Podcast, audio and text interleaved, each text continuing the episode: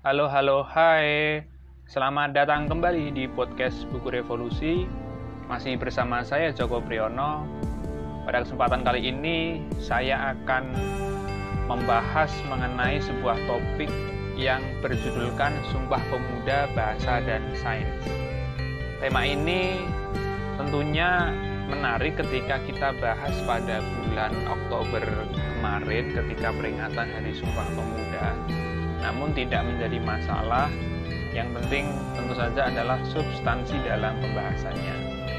Kongres Pemuda yang kedua yang terhelat pada tanggal 27 sampai 28 Oktober tahun 1928 menghasilkan kesepakatan Salah satunya berupa menjadikan bahasa Indonesia sebagai bahasa yang mempersatukan seluruh bangsa Indonesia.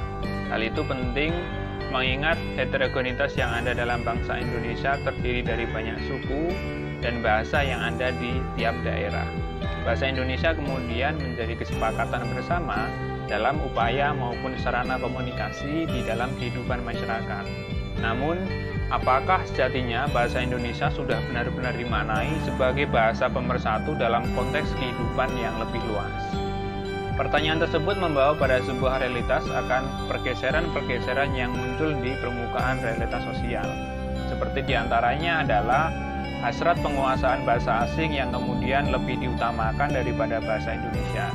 Situasi, situasi tersebut tak hanya terjadi dalam perkembangan sosial masyarakat, bahkan sudah merambah pada aspek jenjang pendidikan yang ada.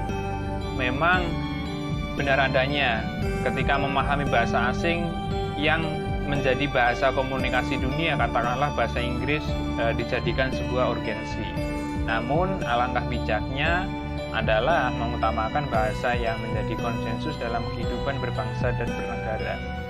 Di jenjang pendidikan, khususnya dalam bidang kajian keilmuan sains dan teknologi, sampai saat ini masih dijumpai permasalahan fungsionalisasi bahasa dalam tataran komunikasi keilmuan. Permasalahan tersebut berupa pengedepanan bahasa ilmiah dalam komunikasi keilmuan tanpa memandang siapa yang dihadapinya. Dalam arti lain, penggunaan bahasa ilmiah memiliki beberapa kelemahan ketika disajikan kepada sidang pembaca awam. Sidang pembaca awam akan mudah menemui kesulitan dengan banyak istilah dalam sebuah ilmu, sebab kerangka bahasa ilmiah terkadang hanya dipahami oleh seorang yang menekuni di setiap ilmu yang ada. Kesulitan itu terkait mengenai istilah asing yang uh, istilah asing dan kerangka pengetahuan yang tidak populer bagi sidang pembaca awam. Nah, pengertian dari sidang pembaca awam itu sendiri merupakan sidang pembaca yang secara spesifikasi keilmuan tidak memiliki fokus kajian keilmuan, tapi memiliki peluang untuk mengikuti diskursus maupun wacana mengenai keilmuan yang sedang berkembang. Dalam peringatan Hari Sumpah Pemuda yang ke-60, beberapa intelektual, cendikiawan, dan akademisi dari berbagai kalangan menyusun sebuah bunga rampai yang kemudian e, diberikan judul Ilmuwan dan Bahasa Indonesia. Buku ini diterbitkan oleh penerbit ITB, penerbit yang berada dalam naungan kampus Institut Teknologi Bandung pada tahun 1988. Ada catatan-catatan penting dan menarik yang kiranya relevan menjadi sebuah kerangka refleksi pada peringatan Hari Sumpah Pemuda. Salah satunya adalah bagaimana upaya dalam pengembangan bahasa Indonesia terkait mengenai korelasi pengembangan ilmu pengetahuan.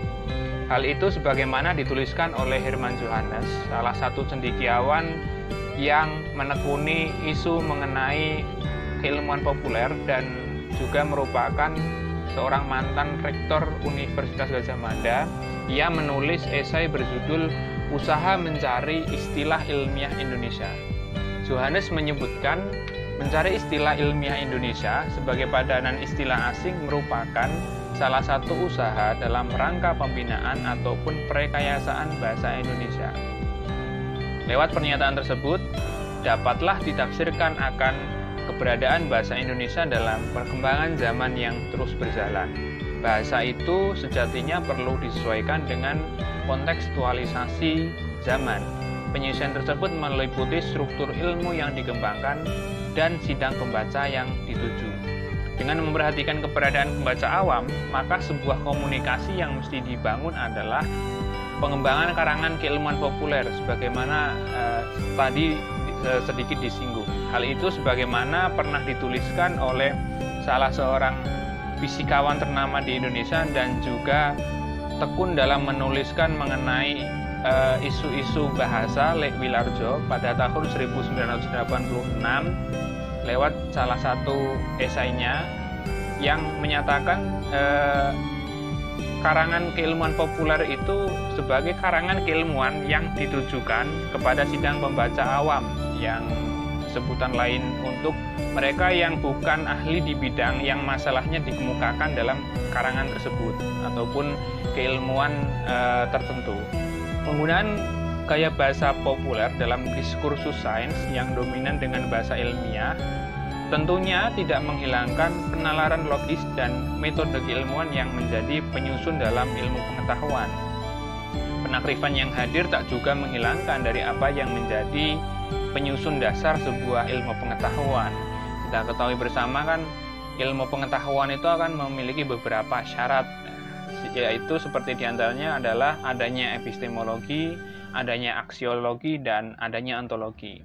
Setelah itu, mengingat keberadaan sains dan teknologi yang memiliki hakikat dinamis dan sering menunjukkan kecepatan dalam transformasinya, bagaimana menyangkut ihwal adaptasi bahasa Indonesia, maka upaya tersebut eh, tidak lain adalah sebagai bagian dari pembinaan yang diperlukan untuk uh, mengembangkan bahasa Indonesia itu sendiri. Misalkan adalah penyusunan istilah-istilah baru yang bermunculan dari keberadaan dan perkembangan sains dan teknologi itu sendiri. Memang perlu disadari salah satu bahasa yang melekat dalam keberadaan dan keberjalanan sains yang memiliki hakikat metode berpikir sebagai upaya penggambaran realitas adalah bahasa matematika. Keberadaan matematika dengan memiliki khasan berupa metode dalam penalaran dengan formula maupun aksioma yang dikembangkan. Wajar saja ketika dalam matematika, dalam upaya membahasakan sains menggunakan simbol, menggunakan formula, ataupun e, sejenisnya sebagai penjelasan fenomena dan peristiwa dalam tataran alam semesta yang begitu kompleks dari peristiwa uh, ataupun fenomena yang ada di dalam alam semesta. Bahasa matematika tidak mungkin ditinggalkan sebagai bahasa dalam transformasi dan perkembangan sains. Hanya saja, dalam keberadaan zaman yang hari ini katakanlah menuju pada transformasi serba digital, di mana kerangka ilmu pengetahuan dihadapkan pada kompleksitas yang bermunculan Tepatnya adalah era komputerisasi dengan landasan data, algoritma, dan kekuatan komputer. Di sinilah menjadi kerangka acuan akan pentingnya upaya pembinaan bahasa Indonesia.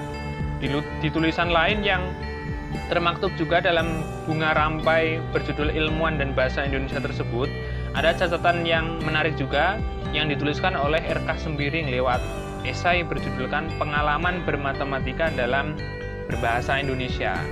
Sembiring mengungkapkan bahwa pembentukan istilah pada dasarnya mirip dengan pemberian nama bagi bayi yang baru lahir dengan landasan bahwa penemuan suatu benda atau konsep baru memerlukan pula nama baru untuk membedakannya dengan yang telah ada ataupun eh, nama-nama uh, yang uh, telah telah ditemukan begitu. Lewat pernyataan tersebut tentu ada konsekuensi yang begitu penting dalam kesadaran bersama untuk terus melakukan pembinaan bahasa. Beradaan sains dan teknologi uh, memungkinkan kelahiran ide, benda maupun konsep baru yang mana dalam realitasnya perlu dukungan bahasa Indonesia dalam perjalanan peradaban yang semakin berkembang ini.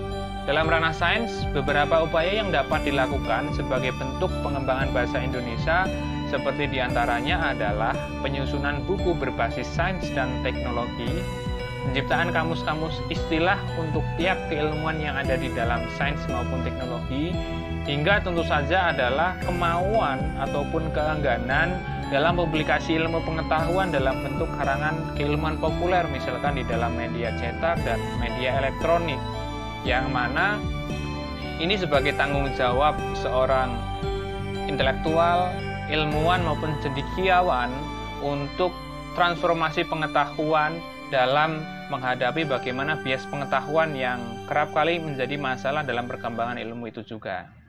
Sebab hal itu tak banyak dilakukan oleh kalangan akademisi maupun intelektual sains, terutama memang eh, sepenangkapan dan sepengamatan saya terkadang memang banyak dari kalangan eh, intelektual maupun saintis kita.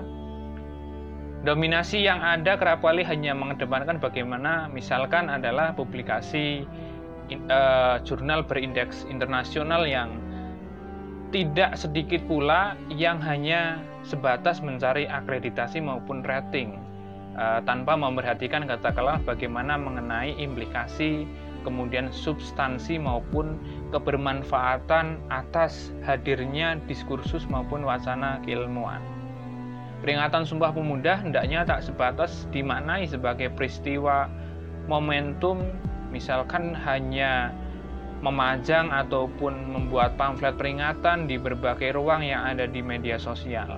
Namun, melainkan dari itu, lahir kesadaran kolektif untuk terus memupuk kemauan diri atas apa yang menjadi kesepakatan pada saat dihelatnya eh, Kongres Pemuda yang kedua yang salah satu kesepakatannya adalah menggunakan bahasa Indonesia uh, sebagai bahasa persatuan dalam kehidupan bernegara.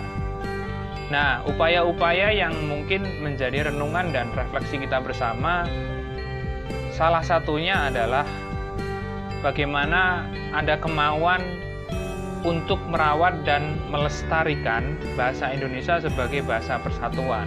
Sebab bahasa tidak sebatas hanya diketahui saja, namun melainkan dari itu bahasa itu perlu dipahami secara mendalam dan mendasar dalam upaya menyingkap hal-hal yang masih tersembunyi. Jangan lelah untuk terus mencintai Indonesia. Itu saja mungkin uh, yang dapat saya sampaikan pada episode kali ini. Semoga memberikan manfaat. Jangan lupa untuk terus ikuti tema demi tema di podcast buku revolusi ini. Buku revolusi mengabarkan setiap halaman buku menjadi manusia revolusioner dan seutuhnya.